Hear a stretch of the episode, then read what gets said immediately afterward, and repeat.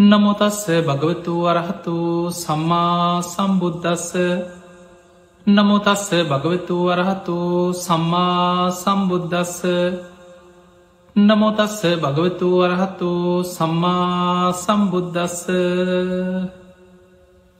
අද දවසමී ධර්ම දේශනාව ඔබ හැම දෙනාටමත් ලක්වාසි ලොවාසී හැම දෙනාටමත් ධර්මාවබෝධය පිණිස නිවන්දොරටුවක් බවට පත්වේවා කියල අපි මුලින්ම ආශිර්වාද ප්‍රාර්ථනා කරන. අපි විශේෂෙන් බලමු මිය පරලවගේ ඥාතීන්ට පින් ලැබෙන්නේ කොහොමද. අපි පින් දෙනවනි. ද අපි බොහෝ ධර්ම දේශනාවල අපේ අරමුණ තමයි.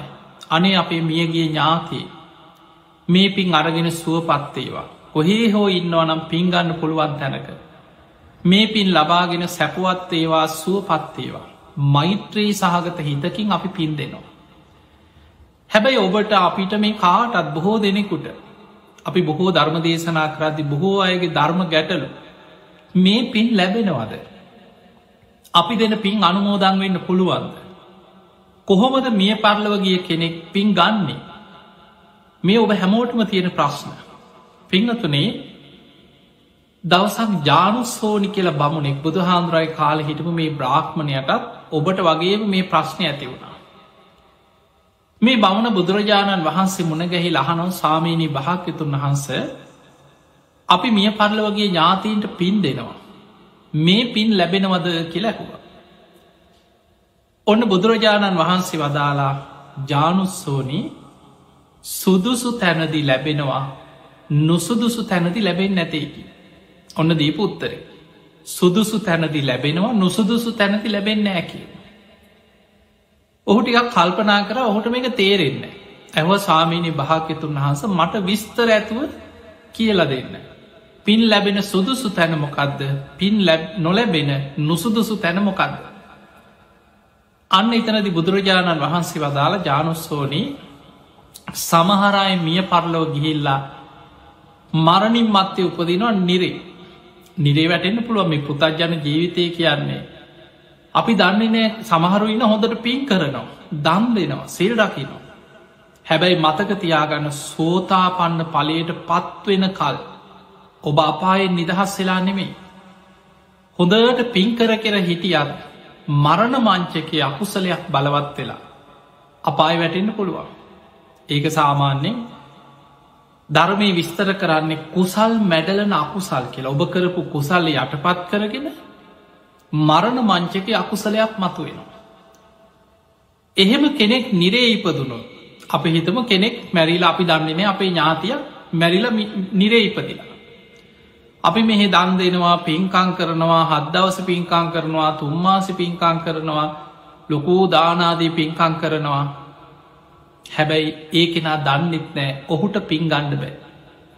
මතක තියාගන්න කෙනෙක් මිය පරලව ගිහිලා නිරේ ඉපදුනොත් අපි දෙන්න පින් ලබාගෙන සුවපත්වෙන්න නිරේ ඉපදිච්ච කෙනෙකුට පුළුවන්කමක් නෑ. එහෙමනම් පින්ගණ්ඩ බැරි අභහවය තැනක් තමයි නිරේ උපත කියලා කියන්න. ඊළඟට අපි හිතමෝ කෙනෙක් මිය පරලව ගිහිල්ලා මරණාසන්න මොහොතේ අකුසලයක් බලවත් වෙලා තිරිසං අපාය උපදේ. කෙනෙක් උපදිනවයික්කො තිරිසන් සතයකොයි තිරිසන් සත්තු කොච්චර ඉන්නවා. මොන තරන් සත්ව විග්‍රහයක් ධර්මය තියෙනවා. එතකොට ඔය වගේ තිරිසන් සතෙක් හැටියට කොහේ හෝ උපදිනවා. අන්ඩජ ජලාභය සංසේජජ සෝපපාතික ඔය ක්‍රමවලින් කොහෙන් හරි තිරිසන් සතෙක් හැටියට උපදින. එයාගේ ඥාතින් අනේ අපේ ඥාතිය නැතිවල දැන් දවස් හතයි හත් දවස පින්කම.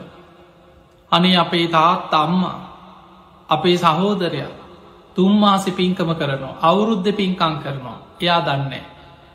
එයාට ඒ පින්ගන්න පුළුවන්කමක් නෑ. එහෙමනම් තිරිසන් ලෝක යමෙක් ඉපදුනොත් ඒ කෙනාට පින්ගන්න පුළුවන්කමක් නෑ එක අභාවය තැන පින්ගන්න බැරි තැන. ඊළඟට මනුස්ස ලෝක අපි හිත මරණ මංචකේ පිනක් මතු වෙනවා කුසලයක් බලවත්වෙන. එයා මරණින් මත්තේ මනුස්ස ලෝකය උපදිනවා. දැන් එයාගේ පෙරජීවිතය නෑදෑය ඒ අයි දන්න. අපි හිතම මැරෙනකොටම කුසලයක් බලවත් වෙලා මවකුසක පිළිසිඳ ගත්තා කියල.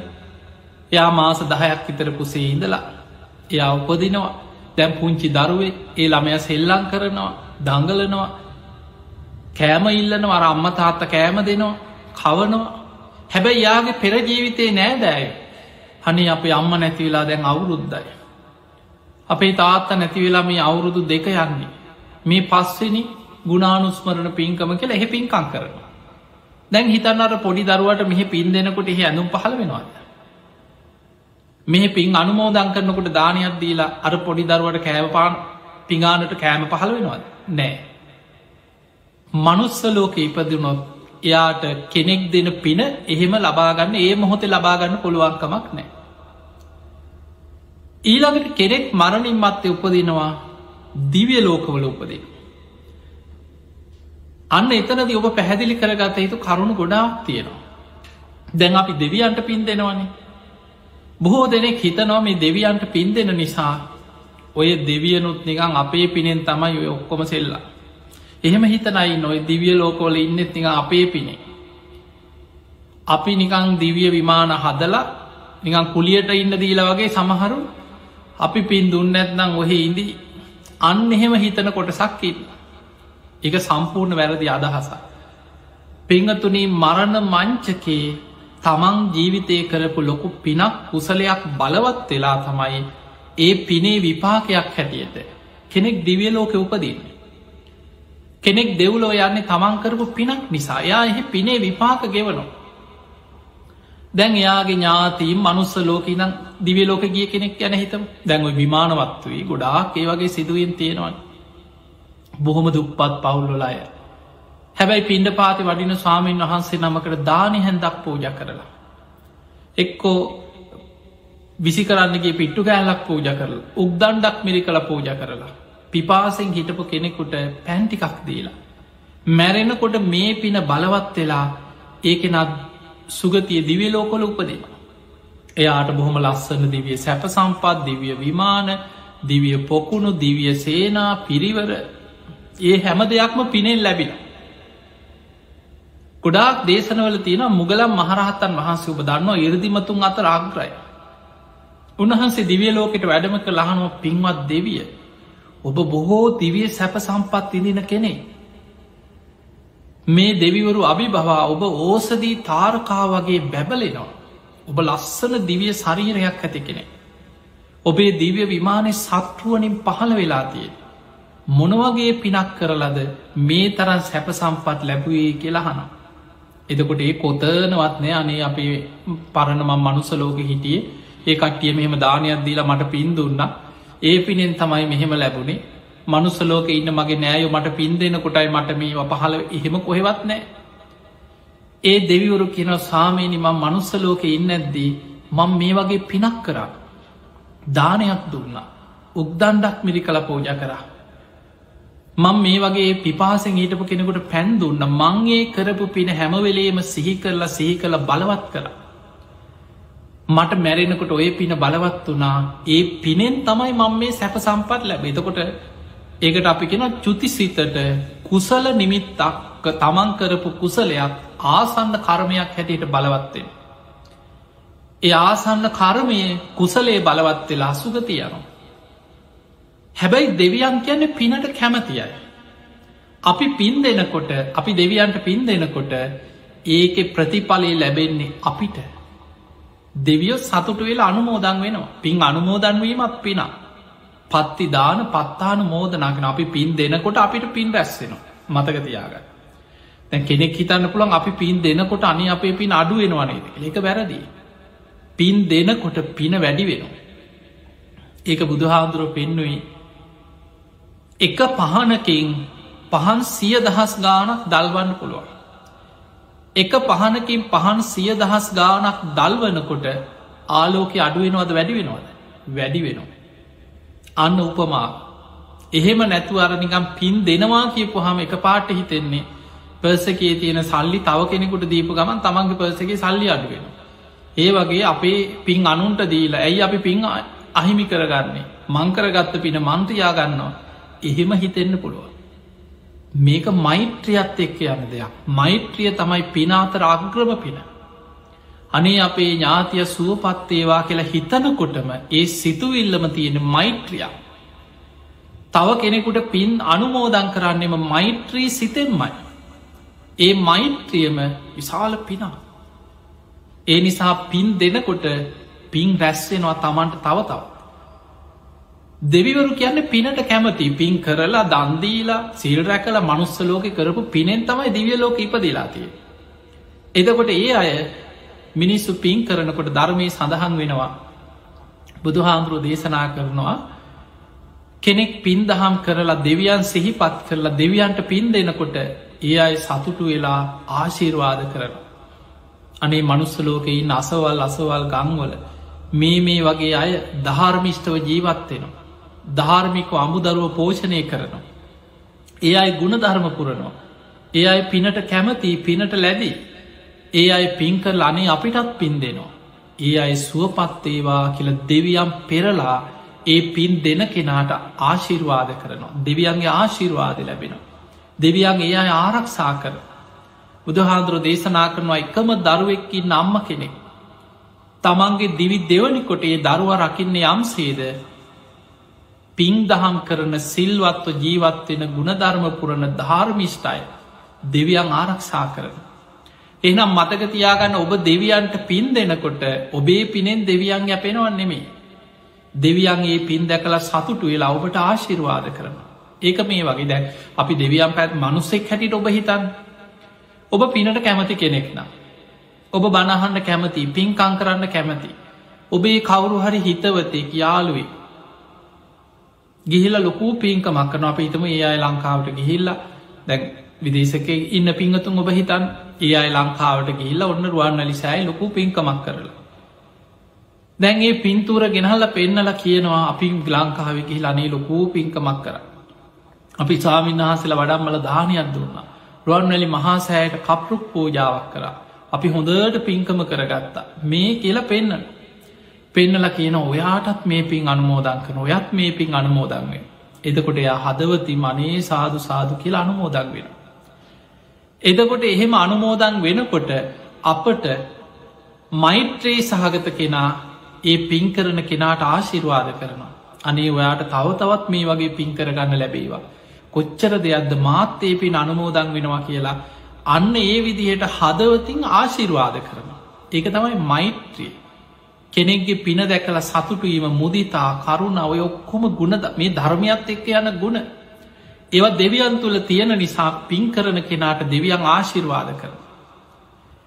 එහෙමනම් අපිට පේනවා අපි දෙන පින්වලින් අපි මිය පරලවගේ ඥාතීන්ට පින් දෙනකොට ඒ පිනෙන් ප්‍රයෝජනයක් කරගෙන පිනෙන් යැපෙන්න ඒ පිනෙන් සැපවත්වෙන්න සුවපත්වෙන්න පුළුවන් ප්‍රේත කොට්ටාසොල ඉපදිච්ච ඥාතීන්ට හැබැයි මතක තියාගන්න ධර්මය තියෙන ප්‍රේත කොට්ටාස ගොඩා අපි මේ දේශනාව ඔබට කීපයක් ගැන සඳහන් කරනවා.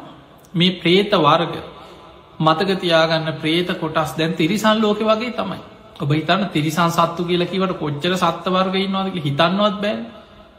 කොච්චර විසිතුරුද? එක එක හැඩතල එක එක පාට එක එක සුරූපය ඒ වගේ තමයි ප්‍රේතාපාය තම තමන් කරපු කර්මවලට අනුව එක ඒක සුරූපයේ ප්‍රේතාත්ම ලබල තියෙන. සමහරයි බුදුහාන්දුරුව පෙන්නවා ඒ අය එක එක නංවලින් හඳුන්නන ප්‍රේත කොට්ටාසින්න සමහරු ඉන්න ඒ අය කරපු අකුසල්වලට අනුව උපදින්න අසූචි වලේ.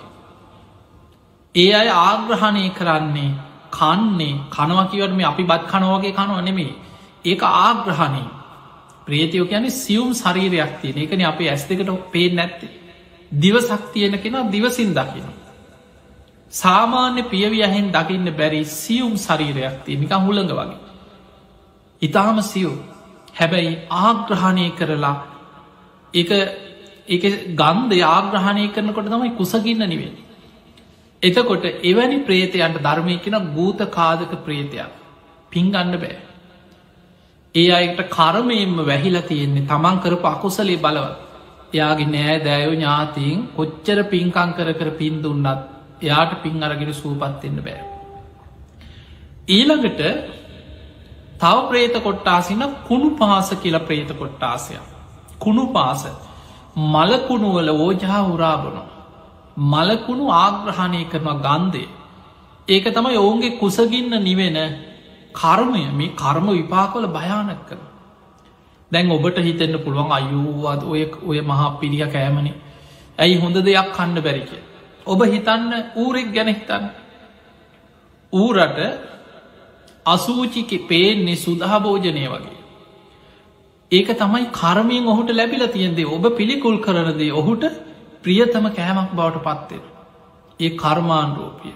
අසූචි ගොඩේම හැදෙන පනු ඒකම කාදානු එකතම ඔවුගේ ජීවිතය.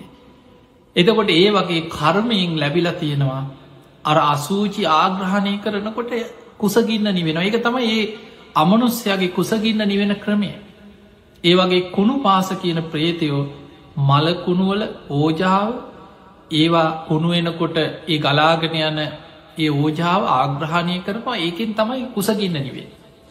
ඒ කුණු පාස කියන ප්‍රේතයන්ටත් පින්දුන්නට එයාගේ අප හිතම යාගේ පෙර නෑදෑය එකතු වෙලා නේ පින්කං කරනවානේ අපේ ඥාතිය සුවපත්තේවා සුවපත්තේවා සුගතියන්න ඕන ඒ කොච්චර හිතුවත් එයාට පින්ගන්න බෑ. එයාගේ කර්මය බලවත් එයාගේ කුසගින්න නිවෙන්නේ අර මලකුණුවල ඕජා උරාබීමෙන් විතරයි කිය. බලන්න භයානක්කම. ඊළඟට බුදුහාන්දුරු පෙන්න්නනවා තව කොටසක් ඉන්නවා සමහර ප්‍රේතියෝ ඉන්නවා අක්නි ජාල කියන ප්‍රේතය.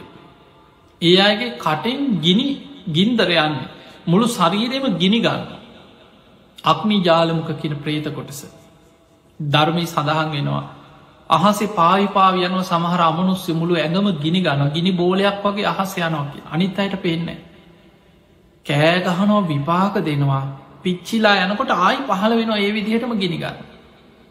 කර්මය ගෙවනකන් චුතවීමක් නෑකේ. මේ කර්මයෙන් ලැබෙන උපත්වල හැටි.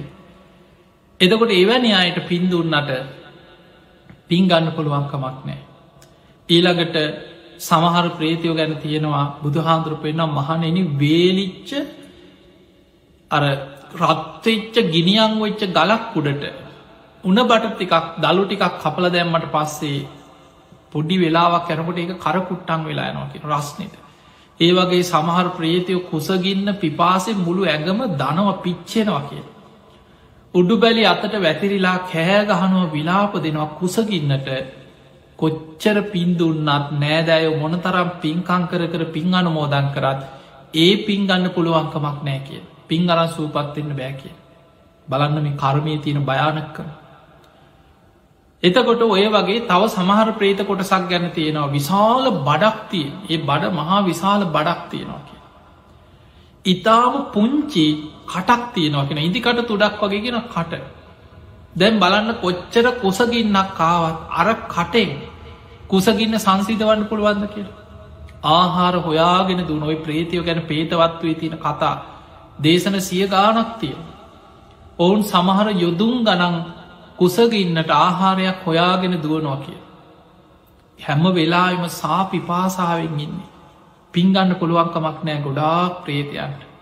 ඔය අතර එකම ප්‍රේත කොටසක් ගැන ධර්මය පෙන්න්නනවා. ඒ අයට කියන පරදත්වූප කියන කොටස පරදත්වූප කියන අනුන්ගෙන් යැපෙන.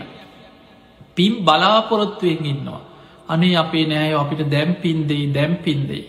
අපේ ඥාතින් අපිට දැම්පින්දෙයි කියලා කාගෙ හරි පිනක් අනුමෝදං වෙන්න බලාගෙන ඉන්න ප්‍රේත කොට සක්කින්න. අන්නේ අය ඒ අයගේ දරුවෝ නෑදෑය එකතු වෙලා පින්කං කරනකොට බොහෝම සතුටින් ඒ පින් අනුමෝදං වෙනවා පින් දෙනකොට අනේ අපේ ඥාතිය සුවපත්තේ වයිදම් මේ ඥාතී නං හෝතු සුකිතා හොන්තු ඥාතව. අපේ ඥාතීන් මේ පින් අරගෙන සුවපත්තේවා. අපේ මියගේ ඥාතීන් මේ පින් අරගෙන සුවපත්තේවා කියනකොට අන්න ඒ පින අනුමෝදන්වෙන්. ඒ පින් තමන්ට අනුමෝදන් කරනකොට ඒ පින් ගන්න පුළුවන් කිය. ඒ පින් අරගෙන ඒ පින් ලැබෙනවා කියන්න මේ වගේ. ඒ පින් අනුමෝදං වෙනකොට කර්මානුරූපීව ඒ පිනේ විපාකයට අනුව කුසගින්න හිටපු කෙනාට ආහාර පාන් ලැබෙනවා. වස්ත්‍ර නැතුව හිටපු කෙනාට වස්ත්‍ර පහල වෙන.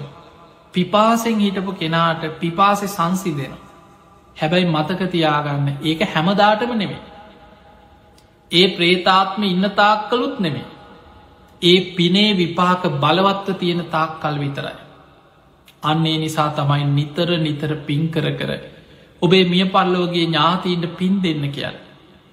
ඒ අයි පින්ගන්න පුළුවන් තැංගොල ඉන්නවනම් ඒ අයට ඒ පිනේ විපාක සමහරලාට ඔබ දෙන පිනේ විපාකෙ මාසයක් සතියක් ඒ පිනේ විපාකාය අවසං වෙන ආයි කුසකින්න දැයි එක මේ වගේද තවත් උදාහරණයක්කම අපි. ඔබ හිතන්න ඔබ පාරය යනකොට හිගන්න ඉන්න අපි ඕන තරන් දැකලා තියෙනවන. අසරන මනුස්සෙක් ඉන්න හිඟන මනුස්සේ සමහර වයසකයි ඉන්නවා දැක්කහම එක පාට්ට අනේ අපේ අම්ම වගේ අපේ තාත්ත වගේ මේ මනුස්සය. එහෙම හිතෙන අවස්ථා එනවා. උදව් කරන්න ඕන කියල සමහරුන් නිකං රුපියල් පහක් දහයක් නෙමේ සමහ රුපියල් දාහදි දහදීලා මේකින් කාලබීලා ඉන්න කියලා ඇඳුනුත් ගෙනත් දීලා නාවල ඔය වගේ අපි දැකලා තියෙන ඔය සමහර තරුණ පිරිස් ඉන්නවා. ඔය පාරවල්ල ඉන්න හිගන්න එක්කරගෙන ගිහිල්ල නාවල හොඳට කන්න දීලා ඇඳුම් අන්දල සමයිට දවසක් දෙකක් හොඳට සැප සම්පත්දීල හැබැයි ආය ගෙනල්ලට පාරට දාලා යනවා. එතකොට ඒ දවස් දෙක තුන ඒක විපාක ලැබෙනවා. අන්න ඒ වගේ තමයි. අප හිතම ඔබ පාරේ යනකොට අර වගේ මනුස්සේ දැකලා ඔබ ලොකු ගානක් අප හිතම. ඔබ රුපියල් දෙදාහක් දුන්න කළ තු ලංකා රුපියල්ලන රුපියල් දෙදාහක්ම දෙනවා. අනේ මේ මනුස්සය බඩකින්න ඉන්න එක.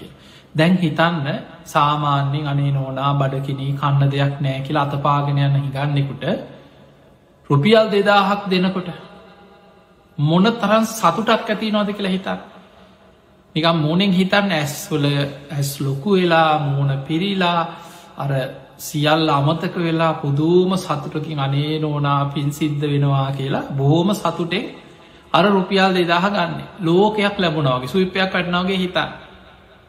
හැබැයි ඔය රුපියල් දෙදා හෙන් දවස් කීයක් කාලා ඉදීද කියලා හිතන් වේල් තුනක් කානවා. රුපියල් පන්සීයක් හිතර ඉවර අඩුවටම කෑවත්.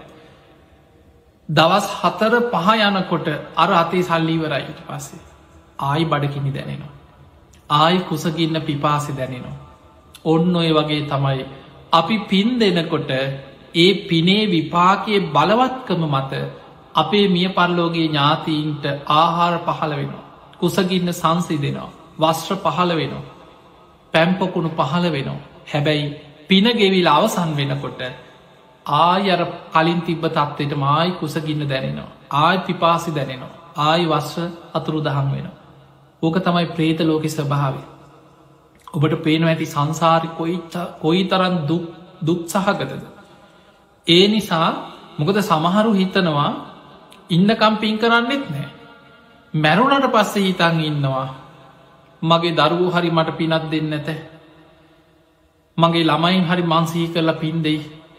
එතකොට මැරිලා අනුන්ගේ පිනෙන් යැපෙන්න්න පුළුවන් කියලා හිතාගරන්න කොටසක් ඉන්නවා. එතකොට ඔබ හිතන්න මේ මැරිලා පින්ගන්නවා කියන ලේසිසෙල්ලමක් නෙමේ. ලේසි දෙයක් නෙමේ. මොන තරම් අමාරු අසීරු අවස්ථාවක්ද කියලව ගලපල බුද්ධිමත්ව හිතන්න. ඒ නිසා ඊළඟට දැම් මෙහෙම පින් දෙනවා. ඔන්න ඔය විදියට තමයි කෙනවා පින් ලැබෙන්නේ මිය පල්ලවගේ ඥාතයට. බුදුරජාණන් වහන්සේ ජානු සෝනි කෙන බ්‍රාහ්මණයට පෙන්වා මිය පරලෝගේ ඥාතීන් පින්ගන්න හැටි පින් ලැබෙන හැටි දැන් එතකොට හිතෙන්න්න පුළුවන් ඔබට ඇතිවෙන ප්‍රශ්නය.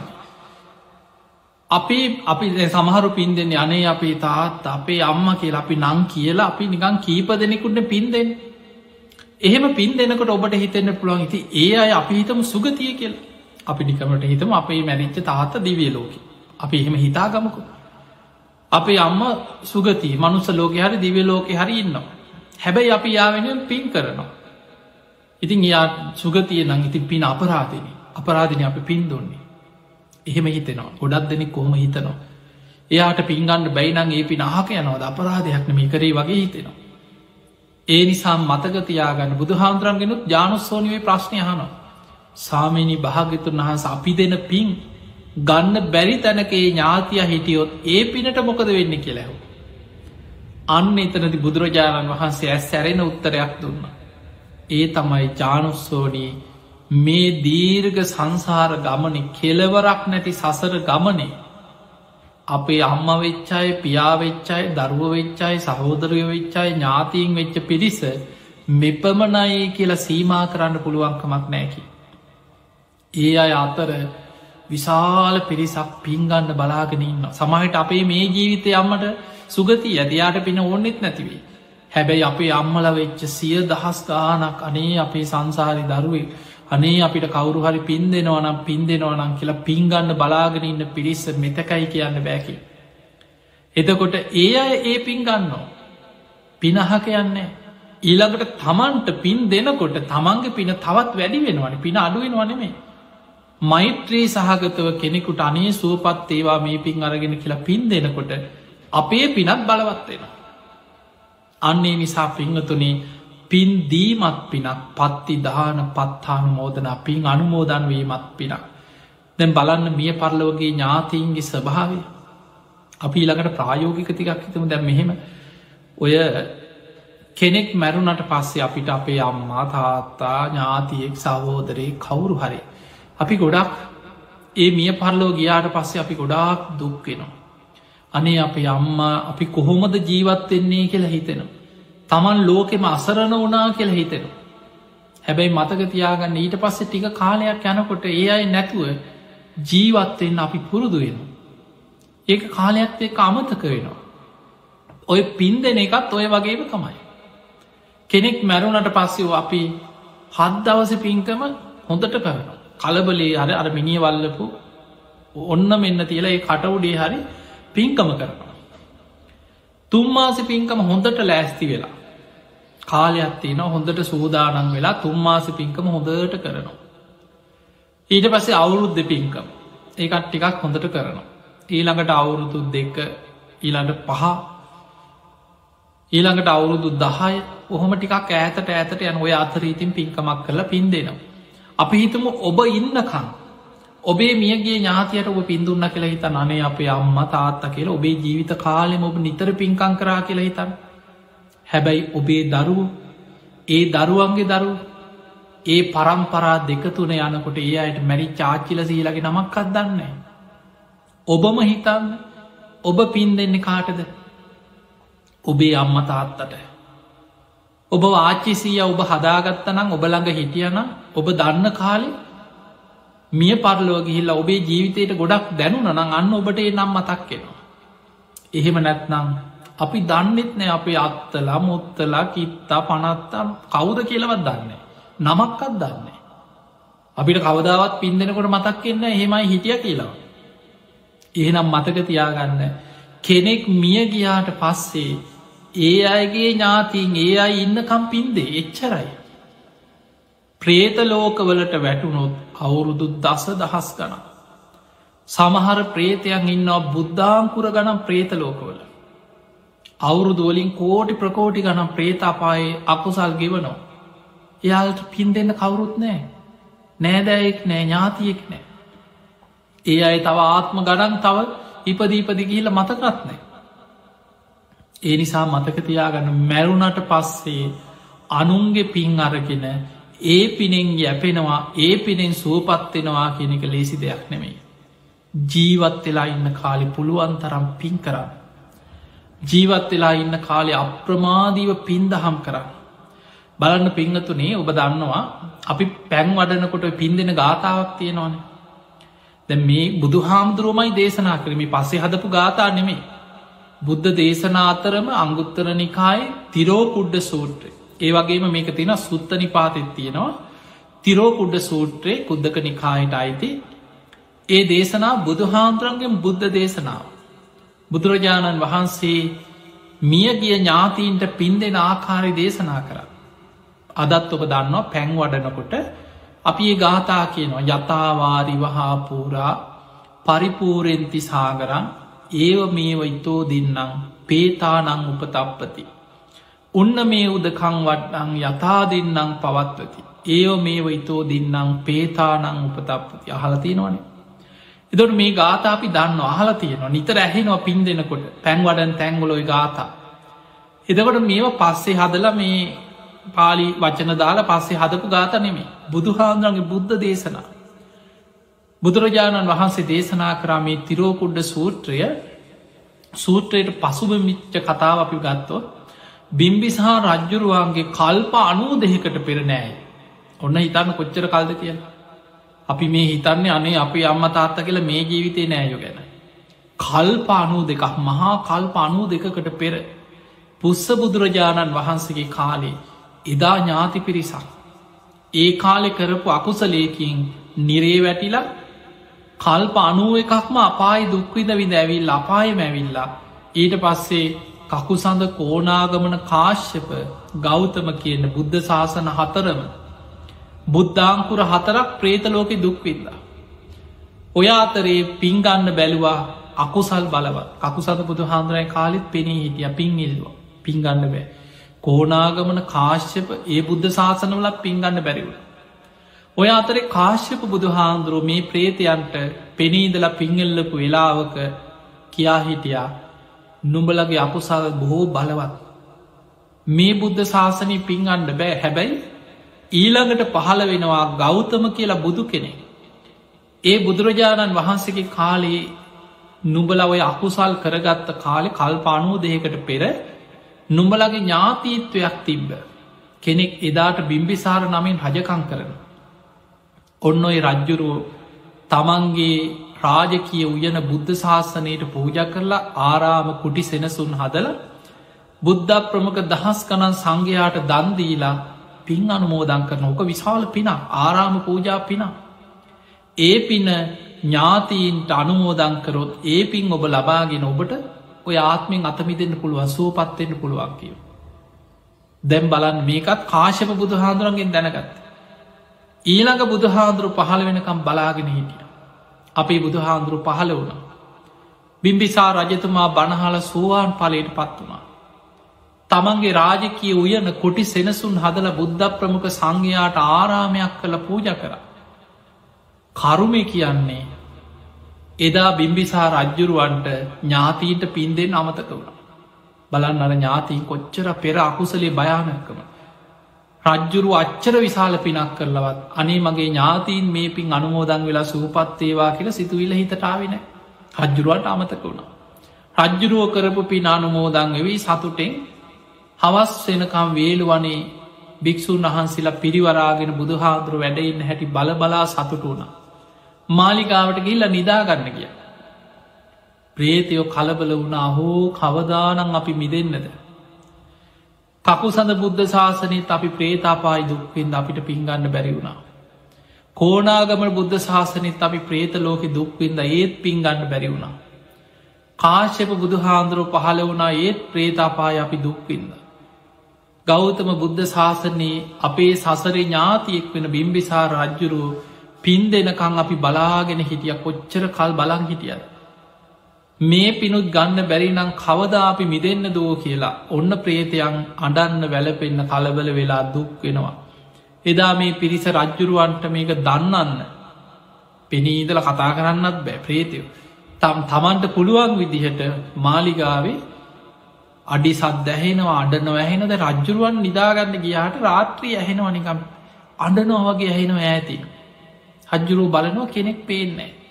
දොරවල් හොල්ලනවා වගේ යන්තම් බඩු හෙල්ලෙනවා පෙරලෙනවා වගේ හෙනවා. ඒ වගේ ඔය සමහර අමනුස්යෝ කය ගණ කරගෙන ඒ වගේ පොඩි පොඩි මිනිස්සු හොල්මන් කියලා බයවෙන්න.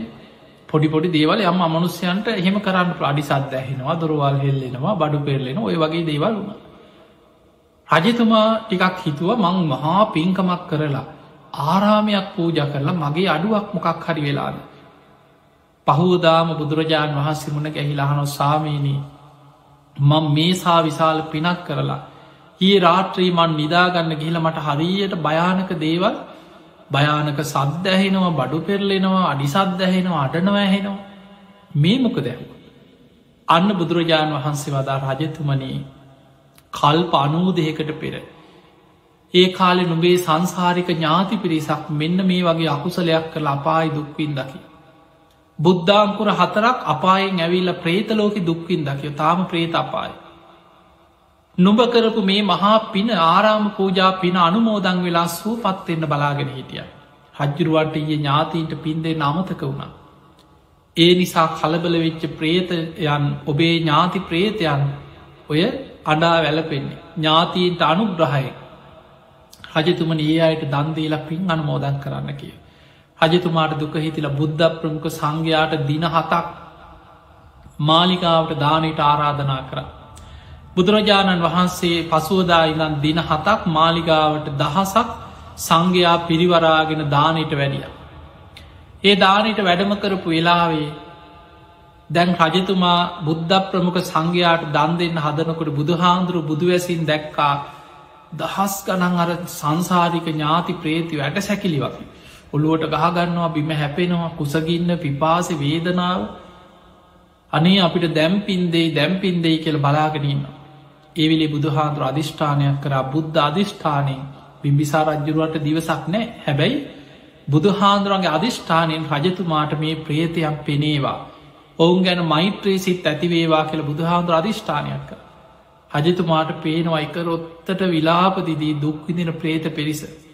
බුදුහාන්දුරු කියනවා රජතුමනි බුද්ධ ප්‍රමුඛ සංඝයාට දන්දීලා අනේ මගේ ඥාති මේ පින් අරගෙන සුවපත්වේවා ඉදම් මේ ඥාති නංහෝතු සුකිතා හුන්තු ඥාතියෝ කියල දානටික පූජ කරන්න. සංඝයාට පැම් පූජ කරනකොට හිතන්න ඉදම් මේ ඥාති නංහෝතු සුකිතා හුන්තු ඥාතියෝ. මගේ ඥාතීන් මේ පින් අනුමෝදන් වෙලා සා පිපාසාාවය සංසිදේවා පිපාසේ සංසිදේවා.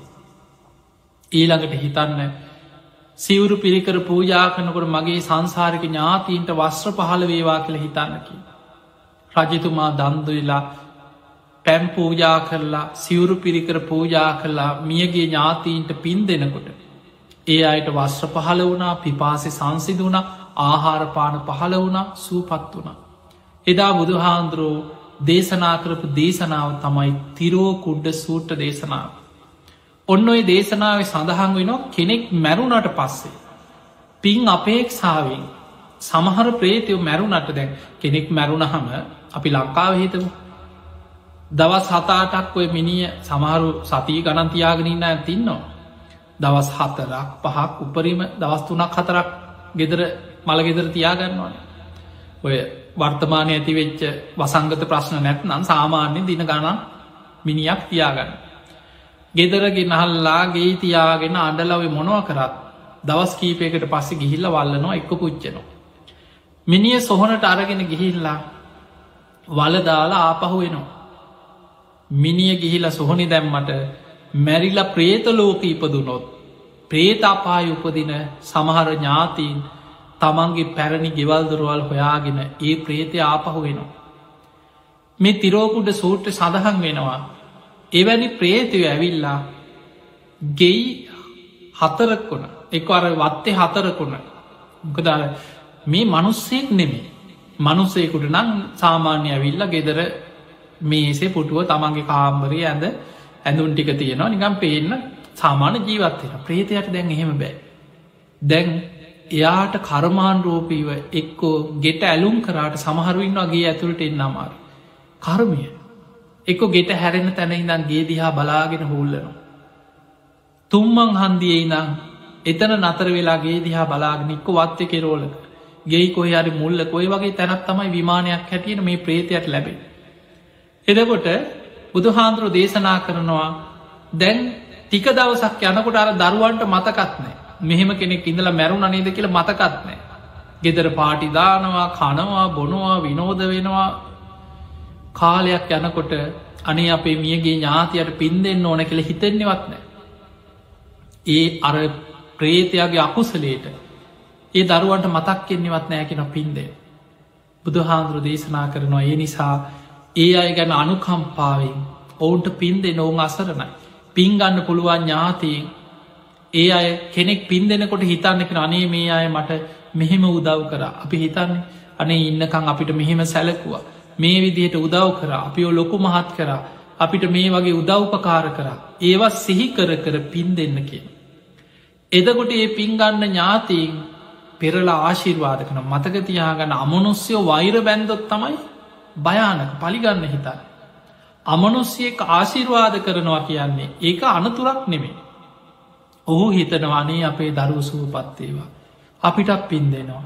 ඒ අයට යහපතක් වේවා කියලා ආශිර්වාද කරන.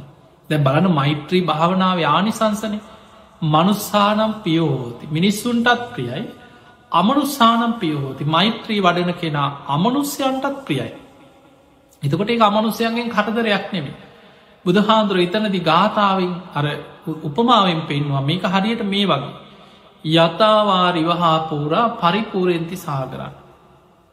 ඒව මේව ඉතෝ දින්නම් පේතානං උපතපති හරියට මේ ඉහල ඉඳම් ගලාගෙන යන ජලය පහල තියෙන අඩුතැන් හිස්තැම් පුරෝගෙන සාගරයට යන පරිපූරෙන්ති සාගර. මහා සාගරයට යනවා අඩුතැන් හිස්තැම් පුරෝගෙන ඒ වගේ තමයි පින් කරගත්ත කෙනා.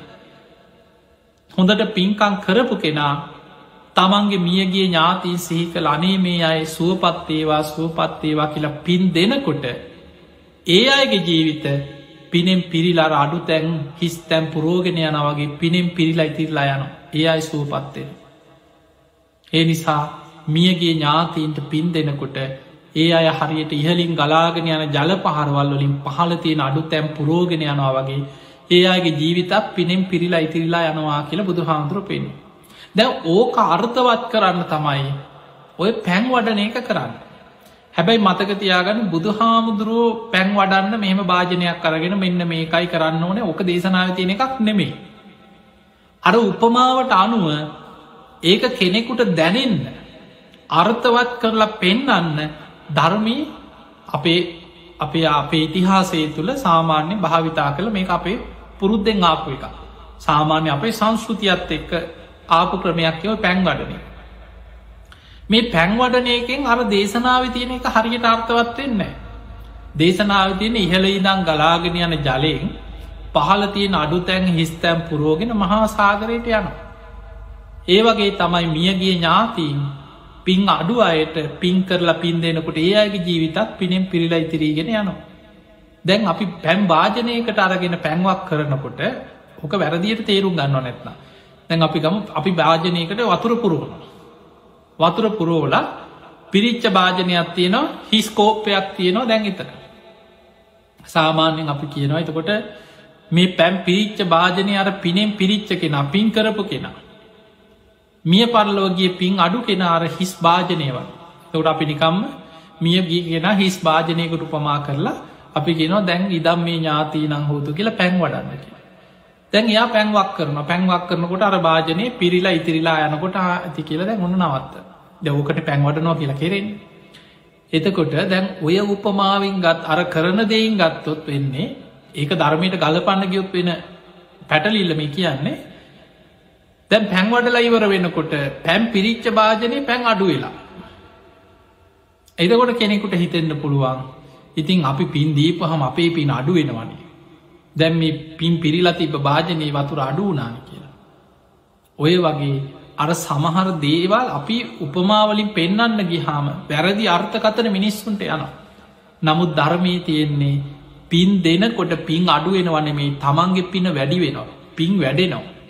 ඒකයි බුදු හාන්දුර පෙන්ව දැන් ඉහල ඉදං ගලාගෙන යන ජල පහරවල් දියල්ලක් කියල හිතක් පහල තියෙන අඩු තැම් පිරීගෙන ගියා කියලා දියඇල්ලෙ වතුර නතර වෙනවද. වතුර අඩුවෙනවා. ඒක හැමවෙලේම ගලනවා. අන්න ඒ වගේ. ඒ නිසා පිංහතුනේ ඔබේ ජීවිතය තුළ ඔබ ජීවත් වෙලා ඉන්න කාලි දැම් මේ දේශනාව තුළ හොඳට ඔබට ගොඩා කරුණු පැහැදිලි වෙන්නට ඕන. මියගේ ඥාතීන්ට පින් ලැබෙන හැටි පින් දෙනාකාරය අපි දෙන පිනෙන්ගේ අයි සුවපත්වෙන්නේ කොහොමද? එතකොට බුදු හාන්දුරු පෙන්ු අර වගේ පින් දෙනකොට ඒ ඥාතීන් සුවපත්වෙලා ඒ අයට තාශීර්වාද කරන හැබැයි අර පින්ගන්න පුළුවන් අය විතර තේ නිසා පිංහතුනේ ජීවත් වෙලා ඉන්න කාලෙ පුළුවන් තරම් පින් කරන්න කුසල් වඩන්න. ඒ කරන පින් ඔබේ මියගේ ඥාතීන්ට තනුමෝදක් කරන ඊළඟ දේ තමයි පින් දෙනකොට හිතන්න. අපි බොහෝ වෙලාවට දකින දෙයක් තමයි පින් දෙනකොට අපි හිතන්නේ අනේ අපේ මැරික් චම්මා. අපේ තාත්තා අපේ සහෝදරය අපේ ඥාතිය කියලා දෙතුන් දෙනෙක් මතක්කෙන. ඒ අයි නංවසයෙන් අපි කීවට කමක් නෑ ඒ අතර ඔබ හිතන්නේ ඒ අය ඇතුළු සංසාරගත පරම්පරාගත පින් අපේක්ෂාවෙන් ඉන්න සියලු ඥාති මේ පින් අනුමෝදං වෙලා සුවපත්තේවා කියලා පින් දෙන්න. ඒකයි වැදගත්. දැම් බලන්න බිම්බිසා රජ්ජරුවන්ගෙන් පින්ගන්න කොච්චර කල්ප අනූ දෙහෙකට පෙර නෑයෝ. මේ ළඟ ආත්මික දෙහෙක ඒ ජීවිතයයි නෙමෙයි. ඒ නිසා අපි අපේ අම්ම තාත්ත ගැන සිහි කළ පින්දුන්නට පෙර සංසාරය අපේ අම්මල තාත්තල වෙච්ච කීදනෙ පින්ගන්න බලාගෙන ඇත්ත. ඒ නිසා සංසාරිකෝ පින් අපේක්ෂාවෙන් ඉන්න යම්තාක් ඇද්ද. ඒ සියලු දෙනා අපි මේ පින් අනුමෝදන් වෙලා සුවපත්තේවා කියලා පින් දෙන ඒකයි පින් අනුමෝදන් කර නිවරදි ක්‍රමේ. තියනි සාධ දවසය ඔබට ඉතාම වැදගත් කරුණු ප්‍රමාණයක් පින් අනුමෝදන් කිරීමේක ඔබට විතරක් නෙමේ අපි දකිනවා අපි මේ කාලයක් බණ කියනකොට ධර්ම දේශනා කරනකොට ලංකාපුරා ලෝකෙපුරා බොහෝ දෙනෙකුට තියෙන ප්‍රශ්නයක් තමයි මියගේ ඥාතී පින් ගන්නවද? කොහොමද පින් දෙන්න ඕනේ? ඒ අයට මේ පින් ලැබෙයිද? පින් ගන්න නැත්නම් මොකද වෙන්න? පිනාහ කියන ඔය වගේ ප්‍රශ්න ගොඩාක් තියෙනවා. මං හිතනවා මේ දේශනාව තුළ ඔබට ඒ ප්‍රශ්න සියල්ල හොඳින් නිරාකරණය වෙන්නට ඇති. තින් ඒ නිසා අපි ආශිර්වාද කන ඔබ හැම දෙනාටම මේ ජීවිතේ පුළුවන් තරම් පින් කරගන්න පිනට ආසවෙන. බුදුහාදුර පෙන්වේ කවදාවත් පින පුංචී කියලා පිනට අවමං කරන්න එපා පුංචි පුංචි පින එකතු කරන්න. භාජනයකට ජලයේ බින්දුව බින්දුව බින්දුව වැටිලා භාජනයක් පිරෙනවා. ඒ වගේ ජීවිතයේ පිනෙ පිරිලා ඉතිරිලා යනකම් පුළුවන් තරම් පින් කරන්න. ඒ නිසා ඔබ මේ ජීවිතය අප්‍රමාණව පින් දහම් කුසල් දහම් දියුණු කරගෙන ඔබ හැම දෙනාටම ඒ පින සැප සහිතව සුකා පොටිපදා සැප සහිත මාර්ගයක් තුළ නිවන කරායන්න මේ පින ඔබ හැම දෙනාට ආශිර්වාදයක් වේවා කියල අපි ආශිර්වාද කර.